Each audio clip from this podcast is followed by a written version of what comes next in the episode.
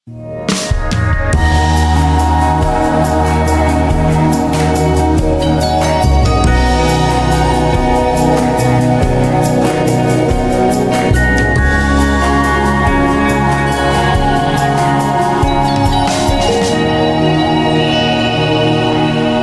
til Bok og politikk, en podkast fra Fredrikstad bibliotek. Og nå sitter det en smilende ordfører foran meg. Siri Martinsen, velkommen. Tusen takk for at jeg fikk komme hit. Yes. Ja, åssen er det nå? Det er valgkamp, og i 2021 så arva du på en måte ordførerrollen da Jon Ivar Nygaard eh, stakk av til Stortinget og ble stortingspolitiker. Eh, Kan du ta oss tilbake til den dagen? Husker du det? Hvordan det var?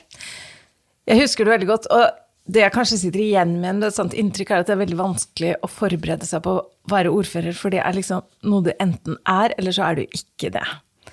Og det er jo litt sånn i det sekundet du blir ordfører, eh, så peker alle pilene på deg. Du er ordfører da, Ja. med en gang. Um, og så var det Jeg husker også, jeg syns det på en side var litt sånn skummelt å tenke på. At man var ordfører. Jeg syns det er en veldig stor tillit å få. Og jeg syns det er et veldig stort og viktig ansvar, da. Så jeg, jeg brukte litt tid på å venne meg til den tanken. Um, men så er det sånn også at du er på med en gang. Du er i jobb, og du vil det beste for Fredrikstad, så da blir jeg litt som en sånn sporhund og bare jobber på. Og um, nå har jeg blitt litt sånn at jeg går ikke og tenker på det så ofte som jeg gjorde i slutten. Em, Samtidig så legger jeg jo bak meg nå et par år eh, som har vært uh, veldig annerledes. Um, hele starten uh, handla jo om at da var egentlig hele Norge oppe for første gang på veldig lenge, altså etter koronapandemien og sånn. Men så stengte de jo ned igjen. Så vi fikk jo liksom med den der siste nedstengninga, som jeg liksom kjenner følelsen av enda da, for da var folk lei. Og folk liksom hadde ikke noe utholdenheten igjen, og så måtte vi ta det samfunnsansvaret det var, med å stenge en siste gang. Det er litt sånn kjedelig inngang, liksom. Ja, Ja. litt. Men, men for å gå tilbake til det der å liksom overta det vervet, da, fordi at du har jo vært med lenge, og du hadde jo vært varaordfører også, eh, så det er jo ikke sånn at det liksom var helt nytt for deg. Men, men hvor stor er den forskjellen fra å liksom være den som står litt grann bak, til å tre fram i virkelig store lyset, da, som du sier? Ja, jeg vil nyansere det litt, fordi jeg ble ikke politiker før i 2015. Eh, og hvis du ser på de som sitter i bystyret, så er det en god blanding av den som har sittet der kanskje én eller to perioder, men det er også folk som har sittet der i seks perioder. Eh, så sånn sett så er jeg, var jeg liksom forholdsvis ny. Og de to åra eh, jeg var varaordfører, så var jeg nok kanskje det bare liksom et eh, par-tre måneder før korona kom. Så jeg pleier å tøyse med det noen ganger, da. At min eh, periode som varaordfører, der ble jeg skikkelig god på Teams. For det var jo veldig mye av det vi gjorde da. Men det er klart det at uh, det var jo ikke ukjent at uh, tidligere ordfører Jon Ivar Nygaard skulle videre. Uh, han fikk uansett en førsteplass og skulle inn på Stortinget. Så selv om vi ikke visste på det tidspunktet at han ble minister, så visste vi i hvert fall at han kom til å forlate Fredrikstad. Og det ser jeg jo kanskje i ettertid, at da begynte jeg jo liksom å jobbe bevisst og ubevisst med liksom hva betyr dette, hvordan skal jeg håndtere det, hva er det min rolle blir, og hvordan gjør jeg det som Siri, da. Mm. For, for da begynner liksom preppinga automatisk. Er, er det sånn da liksom Det er full enighet om at det blir deg, på en måte, i partiet, eller går man noen runder på det? Hvordan fungerer det der, egentlig? Altså, I Arbeiderpartiet så har vi jo en veldig god partikultur. Eh, altså, vi er veldig prega at vi har gode, involverende prosesser når vi lager partiprogram, når vi velger folk. Eh, så når det er sånn at en førstekandidat forsvinner, så var det hele partiet som var involvert i den prosessen. Eh, og jeg ble valgt eh, som Arbeider Fredrikstad Arbeiderparti sin ordførerkandidat. Og det husker jeg eh, veldig godt, eh, for da satt jeg hjemme i stua mi. Det var også et møte vi måtte ha på Teams. Og så ble jeg valgt til det, og så eh, skrudde jeg av Teams. Og så var det ungene mine som sa 'mamma, kan vi nå få ostesmørbrød?' Og da tenkte jeg liksom Yes! Det er sånn det kommer til å bli. Og det er, det er mye sånn det er. Ja. Ja.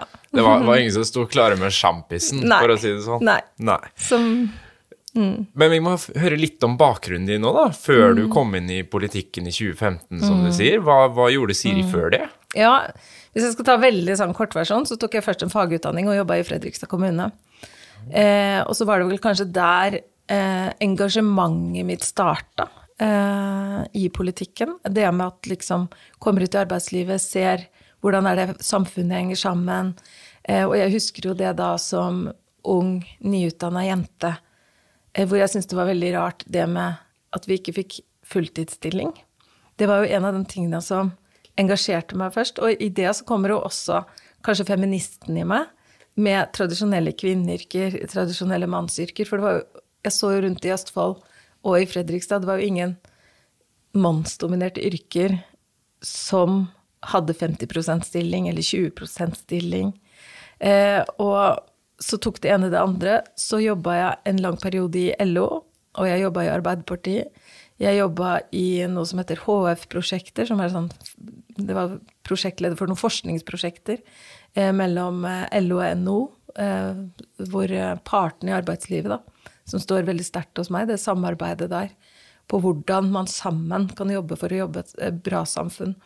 Og der har det politiske, eh, også engasjementet mitt, eh, vokst veldig. Eh, og etter hvert så har jeg jo hatt veldig fokus på det med arbeidsplasser. Vi må skape for å kunne fordele. Og når vi skal fordele, så skal vi gjøre det på en god måte. Og, da- og da ble det liksom Det blir Arbeiderparti. Det. Det blir- det, det visste du Ja, ut var- fra de kampsakene, på en måte? Ja, og sånn er det med politikk. Altså, jeg tror du aldri finner et parti du er liksom 100% enig og i en politisk verden så skal du behandle små og store saker. Lette og krevende saker. Eh, men for meg så ligger det veldig sterkt i meg, det med rettferdighet, det med fordeling, og det med friheten til mennesket, altså muligheten til å leve frie, selvstendige liv. Og da vet vi jo f.eks. at arbeidsplasser er det viktigste tiltaket mot fattigdom og utenforskap. Og det, det, de politiske sakene skal vi virkelig ta for oss nå. Jeg sitter jo Ja. her med en god blekke, da. Ja. Nesten 30 sider, Ja. som jeg har lest meg gjennom. Ganske sånn Det er mye tekst i partiprogrammet deres. Andre har jo valgt mer enn sånn noen punkter. Dette er et veldig sånn Du kan nesten lese det som en bok, Ja. ikke sant? Fantastisk. Ja. Hvor mye har du vært med på det? Er det liksom andre som skriver dette, eller, eller hvor hvor involvert er du liksom i selve partiprogrammet, egentlig? Ja, altså sånn som jeg kan, altså Hvis jeg skal ta kortversjon på hvordan Fredrikstad Arbeiderparti utarbeider programmene sine, så engasjerer man hele organisasjonen, vår medlemsorganisasjon, eh, på over 700 medlemmer.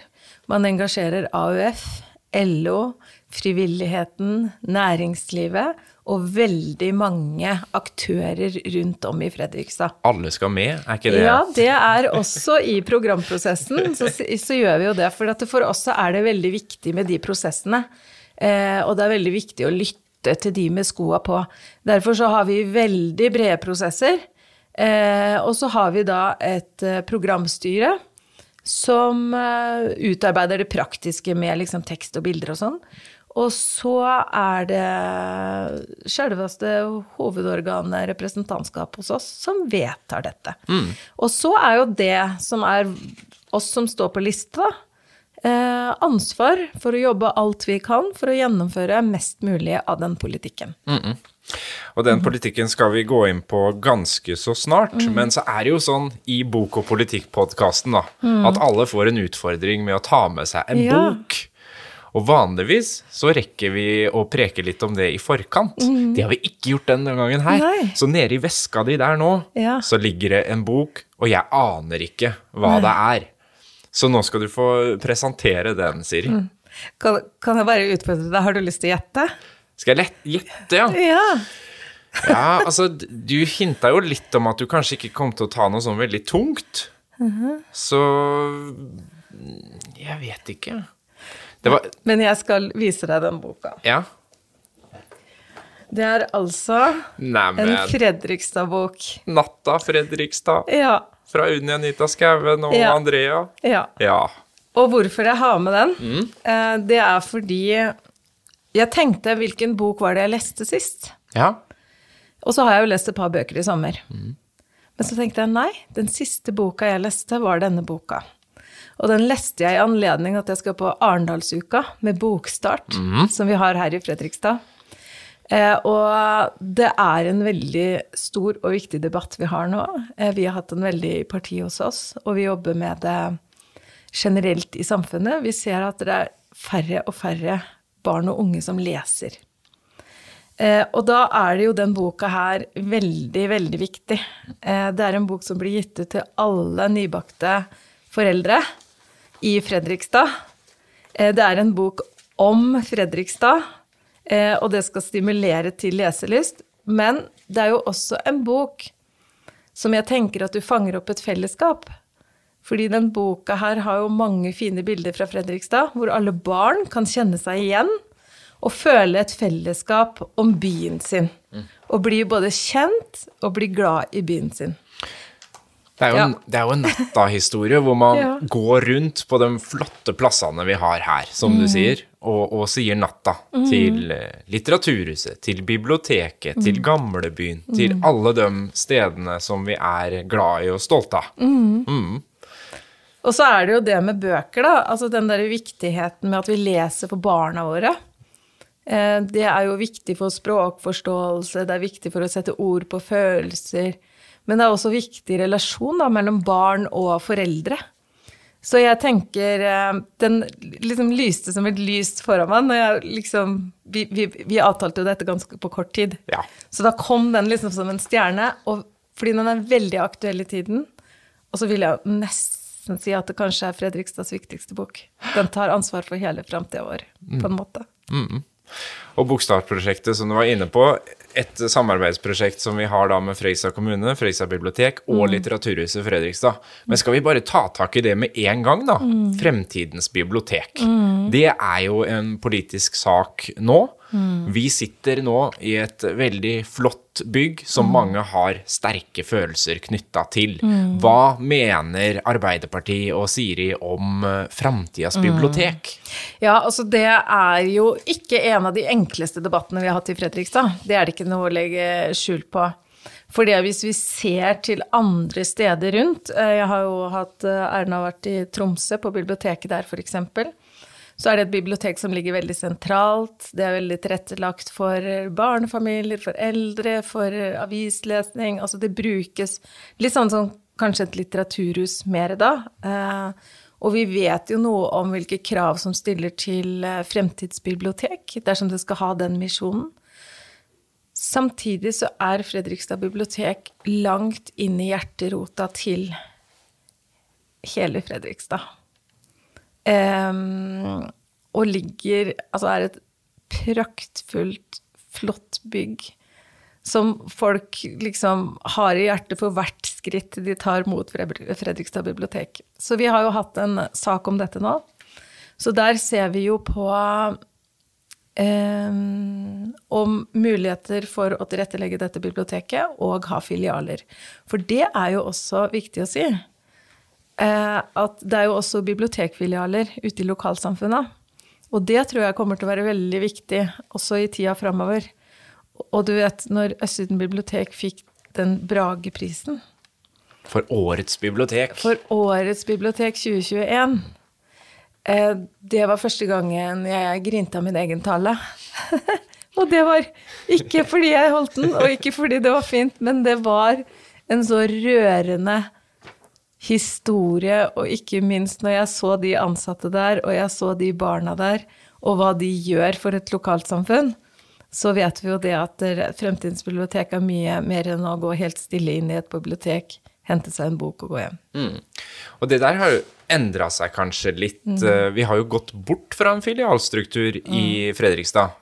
Og så er det flere, deg inkludert, da, av de politikerne jeg har snakka med nå, som begynner å eh, tenke filialtanken igjen, eh, med det mer nære, lokale biblioteket. Ja, og det handler jo om hvordan vi tenker Fredrikstad og alles Altså for Arbeiderpartiet så handler det om å gi alle muligheter. Eh, Det handler jo om å styrke lokalsamfunn, f.eks. Altså, det er litt sånn eh, rart med oss, det, ikke sant. Altså, når jeg er i Fredrikstad by, og noen spør hvor jeg kommer fra, så kommer jeg fra Torsnes. Er jeg i Oslo, så kommer jeg fra Fredrikstad. Er jeg i utlandet, så kommer jeg fra Norge. Men vi vet jo åssen det er. Altså, det er de nære tingene som betyr noe. Og der, i et lokalsamfunn, så vil jo det å ha tilgang til bøker og litteratur, og ikke minst gode møteplasser, være veldig avgjørende for folk. Og kanskje den, eh, en av de få siste gratis arenaene vi har, da. Det er Eh, gratis ferge, da. Det er gratis Det har jo blitt en viktig arena. Der er bokstart, vet du. Der er også bokstart. Ja. Og nå, nå har gratisferja kommet tilbake på kveldstid fra gamlebyen òg, som jeg ser veldig mange gleder seg over. Ja. Men nå skal vi dykke ned i programmet deres, mm. Siri. Eh, Når vi blar litt her, da, så, så kommer det jo liksom seks hovedpunkter aller først. Og det er jo litt sånn de der generelle tinga som alle har, eh, har med i programmet sitt. Det er arbeidsplasser, det er klima, det er helse, det er oppvekst. Og så står det da at det er helt avgjørende at vi fortsatt har orden på kommuneøkonomien. Og så er det jo sånn at noen ganger så kan man jo få inntrykk av at man ikke har det. Gjennom media og ikke minst oppos opposisjonen, da. Um, det er stadig sparetiltak. Det, det er snakk om at vi er i en stram økonomisk situasjon. Hvordan står det egentlig til, ifølge deg? Ja, og jeg er veldig glad for det spørsmålet. Eh, Det var jo sånn, I fjor spesielt så har vi jo snakka veldig mye om dyrtid, altså alle priser går opp. Eh, Det gjorde det også for Fredrikstad kommune. Vi fikk en strømregning på 8 millioner f.eks. over det vi hadde budsjettert med. Derfor så var det helt avgjørende at vi i fjor eh, innførte en rekke tiltak, strakstiltak, nettopp for å klare å få økonomisk balanse. Og det handler jo om at vi skal liksom gå inn i et nytt år, sånn som vi har gjort nå, med liksom litt lave skuldre og med innovasjon og utvikling, på en måte. ikke sant? Eller så må man på en måte da holde igjen. Det som viste seg, var at vi gikk over 150 millioner i overskudd i fjor. Og i første tertialrapport, altså økonomirapporteringen i år, så er vi i balanse. Så det vil si at de tiltaket vi gjorde, det fungerte. Det har vært gjort en kjempejobb blant de ansatte, som gjør at vi nå kan senke skuldrene litt og bare jobbe på med viktige ting. Og at man slipper å ha det hengende over seg.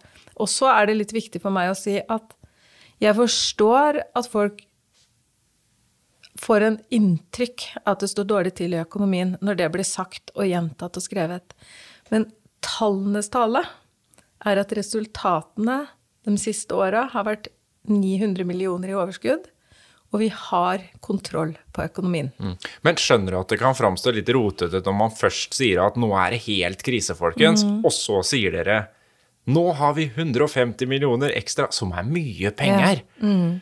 Men vi har jo også en inntekt på over 8 milliarder, så 150, 150 millioner da, eh, det er jo ikke liksom mye i den forstand hvis du ser opp mot budsjett. Men det som er viktig å si, er at det er jo en god indikasjon på kontroll på økonomien. For det er jo ikke sånn at bedrifter eller virksomheter eller organisasjoner som går med overskudd og har budsjettene i sin balanse, det er en indikasjon på at det er kontroll på økonomien. Og så er det noe som jeg også må si, fordi det er kanskje veldig mange som har hørt at vi snakker om inntektssystem, og det handler om et stort, komplekst system som handler om fordeling av midler, altså penger til kommunene, for å si det nå veldig enkelt. Der ser jo vi at Fredrikstad får veldig mye mindre kontra andre kommuner. Så det er også en debatt som vi har oppi dette. Men tross at vi får mindre penger enn andre kommuner, så tar vi ansvar for det vi har, og det er ingenting som ikke tilsier at vi har kontroll på økonomien. Skal vi gå inn på arbeidspolitikken, da? For det vet jeg jo er en hjertesak for deg, Siri. Ja. Um, arbeidslivet. Vi kan jo starte med det vi preker om nå, da. Fredrikstad kommune som arbeidsgiver, rett og slett. For der er jo liksom Arne Sekkelsten nå eh, på krigsstien mot deg. Ja. Med å effektivisere, og mener at det er mye å hente og mye å spare i eh, struktur og bemanning. Hva er liksom svaret ditt til det? Jeg kan jo si det at vi er allerede der i dag at vi er liksom kritiske på reansettelser, og det handler om å møte fremtida på en veldig god måte.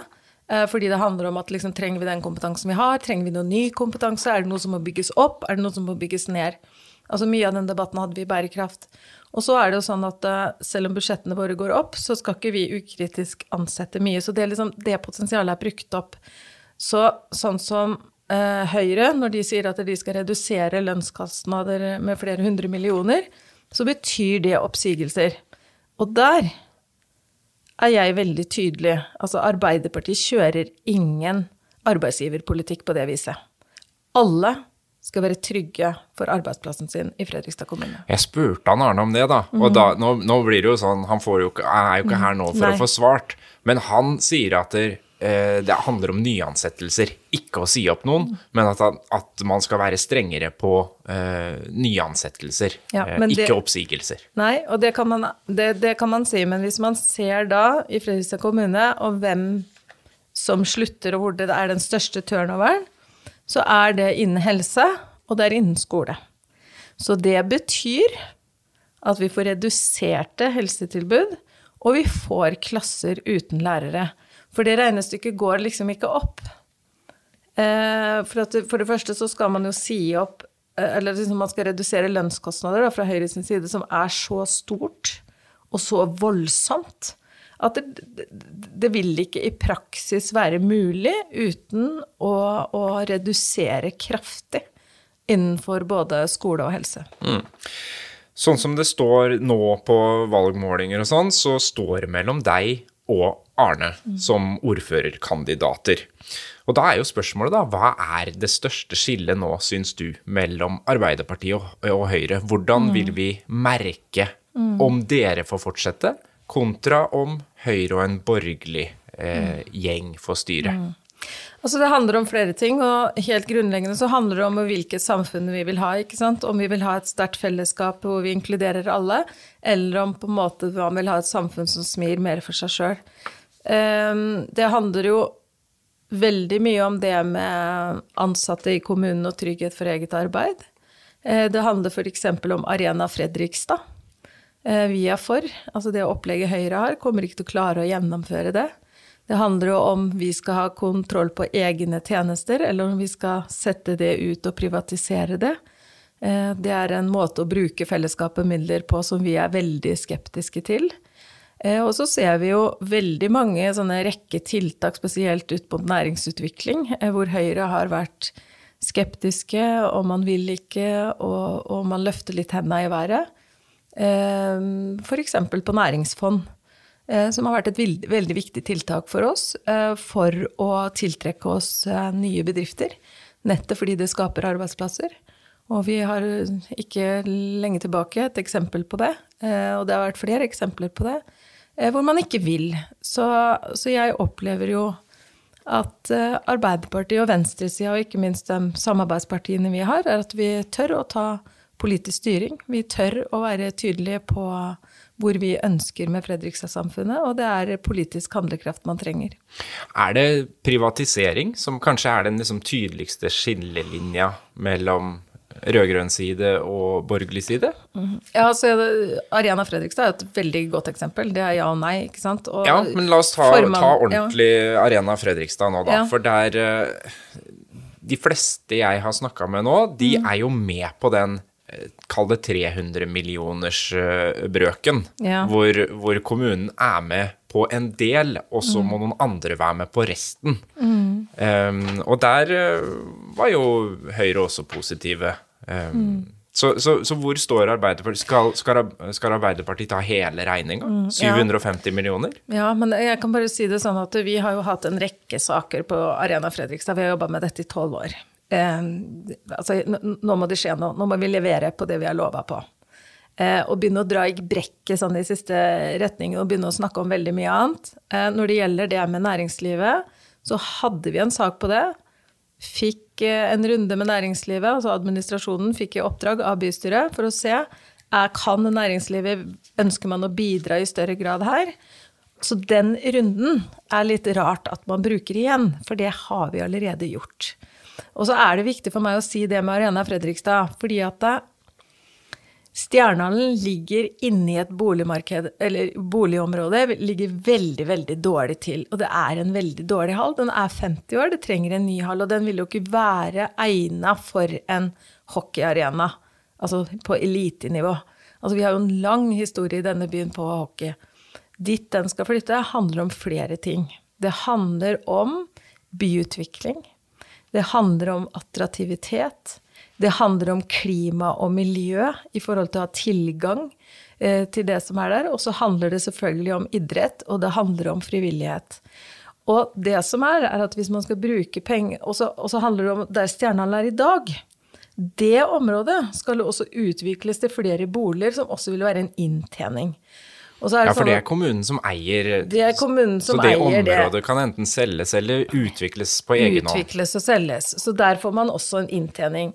Og så er det også sånn at når det er kommunene, eller fellesskapet, som ikke skal tjene penger på en hall, så er det sånn at vi får tippemidler og tilskudd, så sluttregninga her blir ikke så stor som det ofte sies.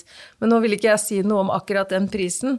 Men det som Høyre og samarbeidspartiene her gjør, er at de sier at de setter et tak på prisen. Og det blir det liksom det samme som deg og meg, Perry, Hvis vi skal i butikken og kjøpe oss en eh, sjokolade som koster 20 kroner, og så har vi 10 kroner, da blir det ingen sjokolade. På deg og meg. Nei, Nei. Men, men, men, da er vi jo tilbake på er, er, man villig til å bruke den summen som det eventuelt vil koste, da? Mm. Ja, altså vi fikk, eh, vi fikk eh, noen summer tilbake i 2016 når vi vedtok, og da lå det på 600 millioner. Eh, og så venter vi jo nå på, på hva den endelige prisen blir, men vi har ikke råd til å ikke satse på attraktivitet og byutvikling og barn og unge og idrett i Fredrikstad. Mm.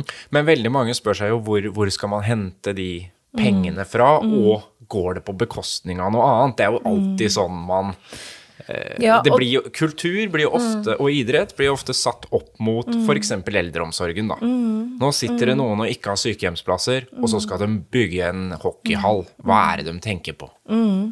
Ja, altså når du setter sånne sånn ting opp mot hverandre, så forstår jeg det. Og det som vi kommer inn på da, som også er liksom veldig ofte diskutert, det er jo det med gjeldsgrad.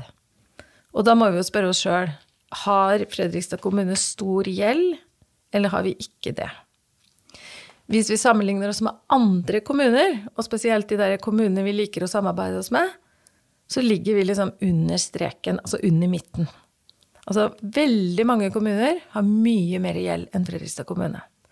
Et annet liksom, en bilde jeg kan gi deg på hvordan vi kan sammenligne det, det er jo at vi har ca. Eh, 8 milliarder i gjeld, og bare ca. 50 av den gjelda er rentebærende gjeld. Altså den andre delen av gjelda vi har, det er liksom Altså det, det er sånne vareutgifter og husbanklån og helt andre ting. Så nei, Fredrikstad kommune har ikke, hvis du sammenligner det med andre, en veldig høy gjeldsgrad. Eh, og så kan du jo sammenligne med en liksom, Du har sikkert lån, det har jeg òg. Absolutt. Ja, ikke sant? Og det er sånn her at eh, Fredrikstad kommune har jo en inkomst på over 8 milliarder. Altså hvert år så får vi 8 milliarder som vi bruker tjenester på. Og så har vi en gjeld på 8 milliarder. Ikke sant? Nå blir det sånn litt cirka her. Eh, ja. Men det er sånn Og husstand, det er jo kanskje sånn at man i husstand har 600 000-800 000 i året hvis man er to stykker, f.eks. Og så har man kanskje en gjeld på mer enn 700 000-800 000 i året. Absolutt. Ja. Min ligger på fire millioner, tror jeg. Ja, så. nemlig. Og så tjener ikke du det hvert år. Absolutt ikke. Nei. Så det er også et bilde da, for å, å, prøve å forklare gjeldsgraden til Fredrikstad på en liksom, litt enkel måte. Mm. Ja. Men, men, den der eh, løypa man egentlig har gått opp, som du sier, da, med å få inn noen private til å delta på Arena mm. Fredrikstad, mm. den er litt uh, trådt opp for deres del. Uh, dere vil finne en løsning på at uh, kommunen har eierskap til det prosjektet? Ja, men jeg kan si at bystyret bestemt, bestilte jo en sak eh, hvor vi ba om at kommunedirektøren, da, som, som bystyret gjør i saker, eh, ta en dialog med næringslivet for å se er det noe vi kan samarbeide om. Eh, og hvis man snakker om OPS og sånn, så var jo den saken veldig tydelig. Det er dyrere hvis vi ikke bygger det sjøl. Det blir bli mer penger hvis man skal ha OPS. Da lar vi Arena Fredrikstad ligge for, for Ja. denne gang. Også, men vi skal holde oss litt til det, det private kontra det offentlige, da. Mm. Og gå litt på helsetjenester òg. For der òg er det jo er, det litt utopisk å tenke at eh, det offentlige kan eh, ta alt av helsetjenester i Fredrikstad? Eller er det et mål for Arbeiderpartiet at det skal være sånn? Det her blir jo snakka som om det er liksom ja eller nei eller en stor greie. For det som er viktig for meg å si I går var jeg f.eks. hadde jeg med meg næringsministeren på SIM-senteret, det er simuleringssenteret borte på høyskolen. Det er et samarbeid mellom kommunen, høyskolen og ikke minst næringslivet. Altså, vi er helt avhengig av næringslivet når det gjelder utvikling av teknologi, f.eks. Vi er helt avhengig av næringslivet, for vi kjøper jo tjenester i Fredrikstad kommune for 1,5 milliard hvert år, ikke sant? Og veldig mye av de tjenestene er jo forbruksvarer og sånn, f.eks. som man bruker innen helse. Eh, men når det gjelder å drive de store institusjonene våre, eh, sånn som f.eks. Eh, Onsøyheimen, for å ta det som et eksempel, en nyåpna eh, helsehus som vi har nå, med 120 plasser, så er det sånn at eh, kommunen får mye bedre betingelser på lån. Og så handler det jo om at når det er private, aksjeselskaper f.eks., så er det ingen aksjeselskaper som ønsker å drive noe uten å tjene penger på det. Det hadde ikke jeg gjort heller. Det ligger jo i hele aksjeloven at man skal tjene penger på det. Eh, Men ideelle f.eks. har en annen tilnærming til det, og det er jo vi veldig positive til. Og det gjøres en kjempejobb fra den ideelle siden. Eh, Flere områder i Fredrikstad som jeg er veldig fornøyd med. Og så er det en tredje ting også som jeg er veldig opptatt av, og som fellesskapet og det offentlige bør være veldig opptatt av. Det er at når du, hvis f.eks. Onseheimen hos oss skulle vært drevet som et aksjeselskap, så er det sånn at vi har ikke innsyn i alt som skjer. Ikke sant? Og det handler jo også om offentlighet her, ikke sant? Hva skal være offentlig og ikke. Så det med å sette tett på tjenestene våre, det er veldig viktig for fellesskapet. Både økonomisk og ikke minst at vi har mer politisk styring og sterkere kraft. Så det handler om å finne liksom rett balanse mellom det offentlige og det private, og ikke på en måte stenge det private helt ute. Overhodet ikke. Så tror jeg vi trenger den private veldig mye i framtida med varer og tjenester vi trenger, og ikke minst altså vi skal Altså det er jo de private som bygger bygga våre, f.eks. Altså det Ja. er jo det private som har bygd Onseheimen. Både de Ja. eh, husa man skal bo i, og etter hvert eh, boligprosjektene Ja. som popper opp i byen her, da, og ikke minst næringslivet, vil jeg tro, er jo dette med at eh, Jeg har jo snakka med det om de andre, at nå er det Vi har blitt en attraktiv by for de eldre Ja.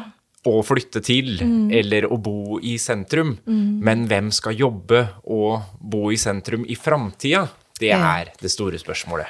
Ja, men eh, jeg kan jo bare si det at eh, hvis vi sammenligner oss igjen med andre kommuner, så er det ikke sånn at vi har spesielt mange eldre her i forhold til veldig mange andre kommuner. Eh, og så må jeg bare si det at liksom om Altså, de eldre har lyst til å bo i blokk altså, på brygga. Det er kjempefint. Det er veldig bra for våre tjenester, og det er veldig fint for de eldre. Og det frigjør også kapasiteten i, i um, distrikta til barnefamilier som ønsker å, å etablere seg der. Og det ser man jo mer og mer av. Altså, barnefamilier bruker jo liksom veldig mye mer tid på det med rehabilitering av eksisterende eiendom og sånn, ikke sant. Det, så det kommer mer og mer. Um, og så det som er et problem, er jo hvis du får liksom en eldre by. Altså ikke det er noen barn og unge og sånn der, men det er jo ikke tilfellet i Fredrikstad. Vi har høyskolen med masse studenter. Nå fikk vi beskjed nå at nå kommer videregående skole ikke sant, på verkstedområdet.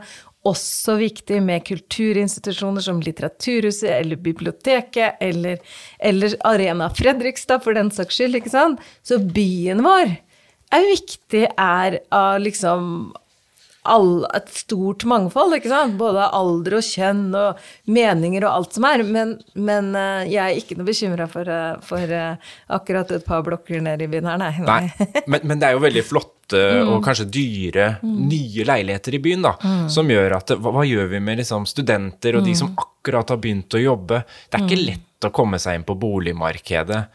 Stiller dere noe krav til utbyggere? Mm. Altså jeg kan si det at uh, i den debatten så er det sånn at der er vi helt avhengig av f.eks. plan- og bygningsloven, at det skjer endringer der.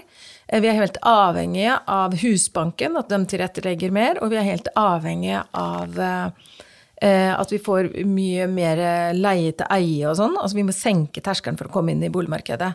Det er jeg helt enig i. Og det her kan jeg ikke si, for det er egentlig sånn sperrefrist på det, men det kommer til fredagen. Oi, oi, oi. Men vi slipper ikke den her før etter det. Nei. Så det skal gå bra. Um, I forbindelse med det så må vi også snakke litt om uh, kanskje det som er hovedutfordringa til Fredrikstad, nemlig lavinntektsfamilier og økende forskjeller i samfunnet generelt. Og det, det, ser man jo over hele eh, landet, og egentlig hele verden. Men i Fredrikstad så er det jo sånn at det er Arbeiderpartiet da, som har styrt i veldig mange år. Så hvordan med en solidarisk politikk kan det fortsette å øke i forskjeller? Jeg har jo vært ute som ordfører og sagt at det er den største samfunnsutfordringen i Fredrikstad. Jeg bruker jo veldig mye tid på det som ordfører, også utafor våre grenser, med å fortelle hvilke tiltak og hvilke virkemidler og hvilken prioritering man skal gjøre både på fylkesnivå og på nasjonalt nivå, nettopp for å bistå med dette. Jeg bruker det også som et argument inn i den store debatten om inntektssystemet. For Arbeiderpartiet sin del så handler jo det om at igjen, arbeid, det er den største nøkkelen til det å kunne leve selvstendige, gode liv. Eh, og så vet vi at ikke alle kan det av ulike årsaker, av sykdom og sånn, og dem skal bli godt ivaretatt. Eh, men der igjen så er vi helt tilbake på det vi starta med, Perry, med den boka. Eh, med at vi begynner med tidlig innsats og hjelpe de familiene som trenger det, og ikke minst de barna. Og det handler om helt fra liksom, helsestasjonnivå, barnehage, det handler om skole. Og én ting som jeg, er veldig, som jeg er veldig stolt av i Fredrikstad, veldig, altså, ja, veldig fornøyd med, det er jo liksom idretten. Og hvordan vi sammen med idretten har jobba. Du husker sikkert for litt siden når den store debatten kom at man ikke fikk delta i idretten, spesielt i Oslo. Og da lurte jeg på om man skulle føre inn noen tiltak for de som liksom falt utafor, om de kunne liksom få støtte. Det har vi gjort i mange år allerede i Fredrikstad. Så på én måte så har vi jobba veldig godt med å inkludere og gi barn muligheter, for det er det det handler om. Det handler om å bryte de sirklene for utenforskap og hjelpe de barna opp og fram for å kunne leve gode og selvstendige liv. For det ser vi Det, det, det viser jo forskninga at dette er dessverre arvelig. Mm, mm, ja. Det er, det er, arvelig. Så det, handler det, det, er jo det det handler om hos oss. Å bryte de der sirklene. Um, og det er en krevende jobb, og det er en jobb vi må gjøre. Men uh, vi har veldig god kompetanse på de organisasjonene hos oss. Uh, men som sagt, uh, jeg er helt enig i problemstillingen her. Og det, jeg kan si det er liksom den utfordringen der, og en annen tendens når vi snakker om unge og ungdom, da så bekymrer det meg også litt den utviklinga vi ser på unge og psykisk uhelse. Altså det med at ungdom ikke har det bra. Det er, det er liksom Som ordfører, da, så er det veldig mye som gjør inntrykk på deg. Det, det, det, det, er liksom Barna våre her i byen mm. må vi stille opp for. Ja. ja. Og der kan vi jo egentlig dra det videre til skolepolitikken igjen, ikke sant? for det her legger jo også et helt nytt uh, press. Ikke at det ikke har vært problemer i alle tider, men, men jeg, jeg, tror jo liksom lærerne og skolen opplever og et helt annet type press både for å fange opp, mm. for å tilrettelegge, mm. enn det har vært tidligere. Ja, ja og, det, og det, det, er jo sånn at skolen er jo veldig viktig, for at det, skolen er jo det stedet, da, hvor alle er. Det er jo den store, kraftige og viktige fellesskapsarenaen vi har eh, hvor alle er.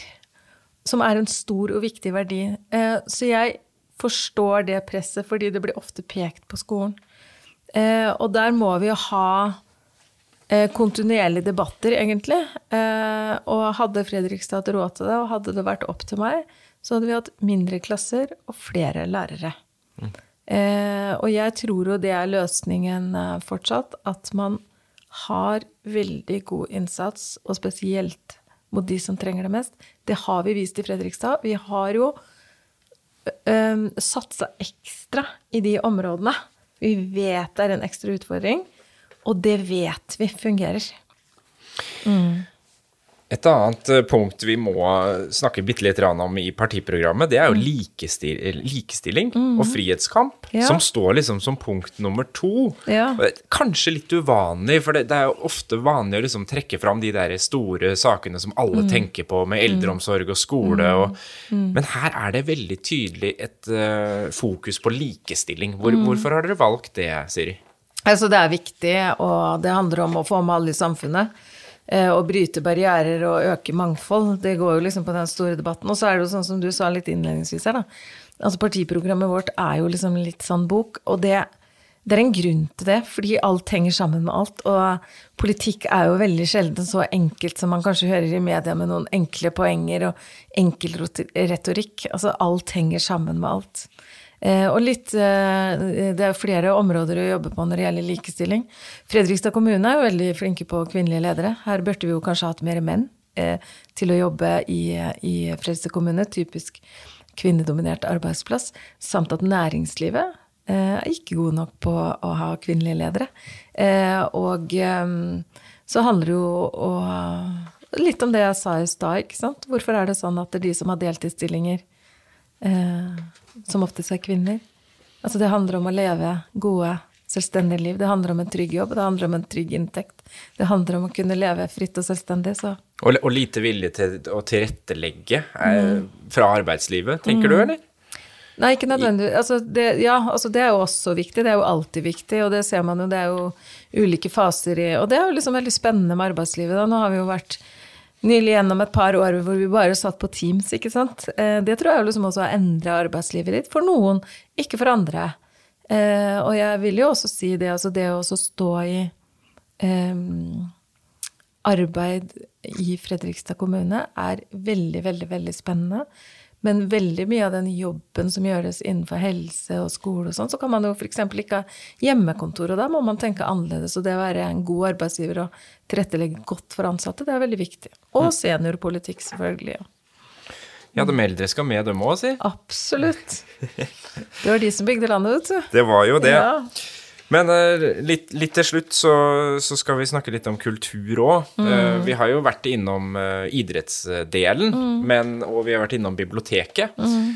Men generelt, når, hvis, mm. hvis, Arbeiderpartiet får fortsette med et rød-grønt flertall, da, hvordan mm. ser kulturpolitikken ut i mm. framtida? Ja, altså jeg er veldig stolt av kulturlivet i Fredrikstad.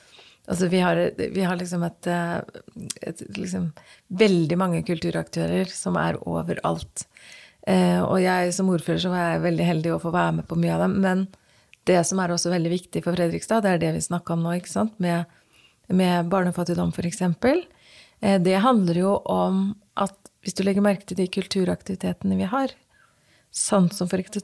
Tolchi Braces, som vi nå har nettopp lagt bak oss, det er en byfest hvor alle innbyggerne har muligheten til å delta. Samme er det med Kulturnatt. Altså, vi tilrettelegger kultur eh, for eh, alle. Og det tenker jeg er også veldig viktig at man lærer verdien av kultur, får oppleve kultur. Eh, og så har vi mange tiltak. Vi har f.eks. Kulturskolen som er inne i SFO. Liksom Super-SFO, hvor barn hvor liksom kulturskolen drar ut på skolene. Biblioteket kommer til å være veldig viktig. Litteraturhuset som vi hadde, som nå er ti år. Jeg tror nesten ikke at det er ti år. Hvor ble det av de ti åra? Um, det gikk fort, det. Som er en kjempeviktig arena for nettopp det. Så, og så er det jo sånn derre Vi skal jobbe, og vi skal ha en jobb, men det med kultur er jo en fantastisk Altså, det gir liksom innhold i livet, og så er det en fantastisk måte å formidle ting på. Og det, det, ser man jo spesielt når verden er i uro, sånn som det er nå, liksom. Det å oppleve kultur og sette ord på det. Så jeg, jeg har opplevd veldig mye sterke Veldig mye sterke kulturopplevelser, og det unner jeg alle. Mm. Jeg kan tenke meg at både å være ordfører og ikke minst ordførerkandidat, det er liksom 24 timer i døgnet, altoppslukende, og nå er det valgkamp i tillegg. Men når du skal koble av, hva gjør du da, Siri? Åh.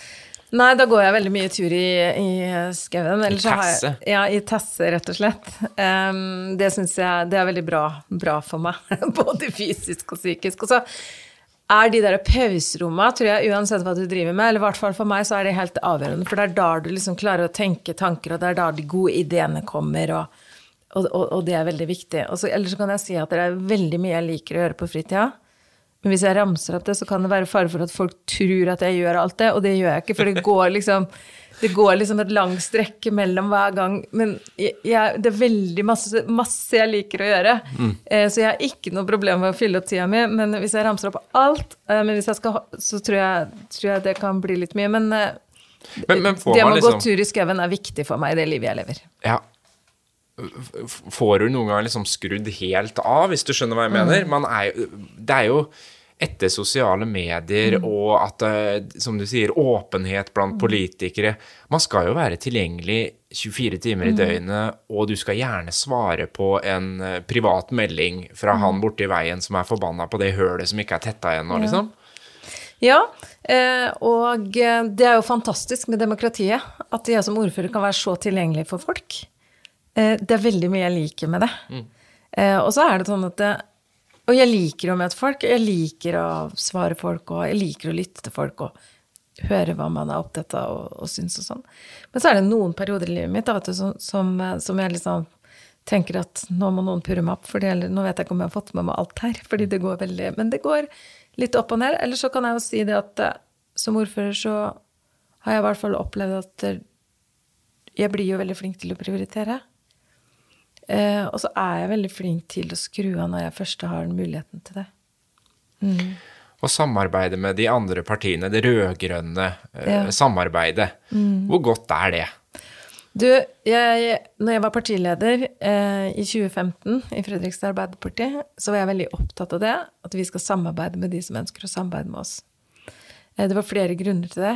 Eh, og den største grunnen til det, det handla om at jeg mener at vi blir bedre av det.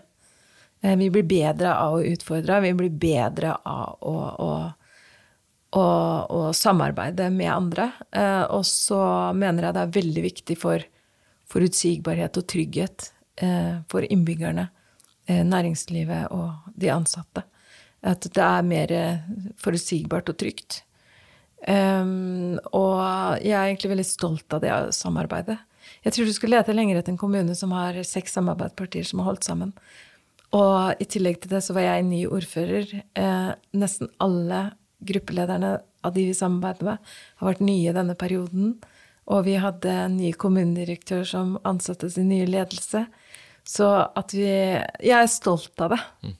Men føler du på det presset nå? Som, du, mm. du, ble jo på en måte ikke valgt som ordfører. Det er nå mm. du skal velges, mm. eventuelt for første gang. Ja. Hvordan er det, liksom? Um, nei, altså det er jo også en litt sånn sentral vind som skyller nedover oss nå, så det er jo liksom på en måte krevende, men samtidig så er jeg veldig sånn Jeg har fokus på det vi skal gjøre i Arbeiderpartiet. Eh, jeg har veldig fokus på at vi skal gjøre så godt vi kan. Og så er det jo ofte sånn i valg at jeg snakker om vinnere og tapere og sånn. Eh, når det gjelder demokrati, så tenker jeg det er en av de ærligste og viktigste sakene vi kan gjøre, så vi skal jobbe alt vi kan inn mot siste slutt, og da er det opp til velgerne. Mm. Helt til slutt så skal mm. du få velge deg fra boka di, da, ja. 'Natta Fredrikstad', ja. ett sted. Hvis du nå vinner valget, hvor mm. går du og setter deg for å eh, gruble litt over de fire neste åra da, når du skal velge deg et sted i byen, Siri? Og det, det, er jo ikke lett, for jeg skulle jo vært veldig mange steder eh, på en gang. Um, vi har jo noen perler rundt omkring. Vi har det, vet du. Og jeg tror nok liksom egentlig skauen i Fredriks... Eller i Tasse, da, mm. som mhm. vi pleier å gå, er det viktigste stedet jeg kommer til å være. Ellers så ser jeg i den boka her, og har sett på den boka før, at jeg er rundt omkring på alle de stedene i boka i løpet av veldig kort tid. Igjen og igjen og igjen. og igjen. Du rekker det i løpet av en dag, for å si det sånn. Ja. Før du spretter champagnen mm. og lager ostesmørbrød ja. til ungene. Lykke til med valget, Siri. Tusen takk, og takk for at jeg fikk komme. Produsert av Fredrikstad bibliotek.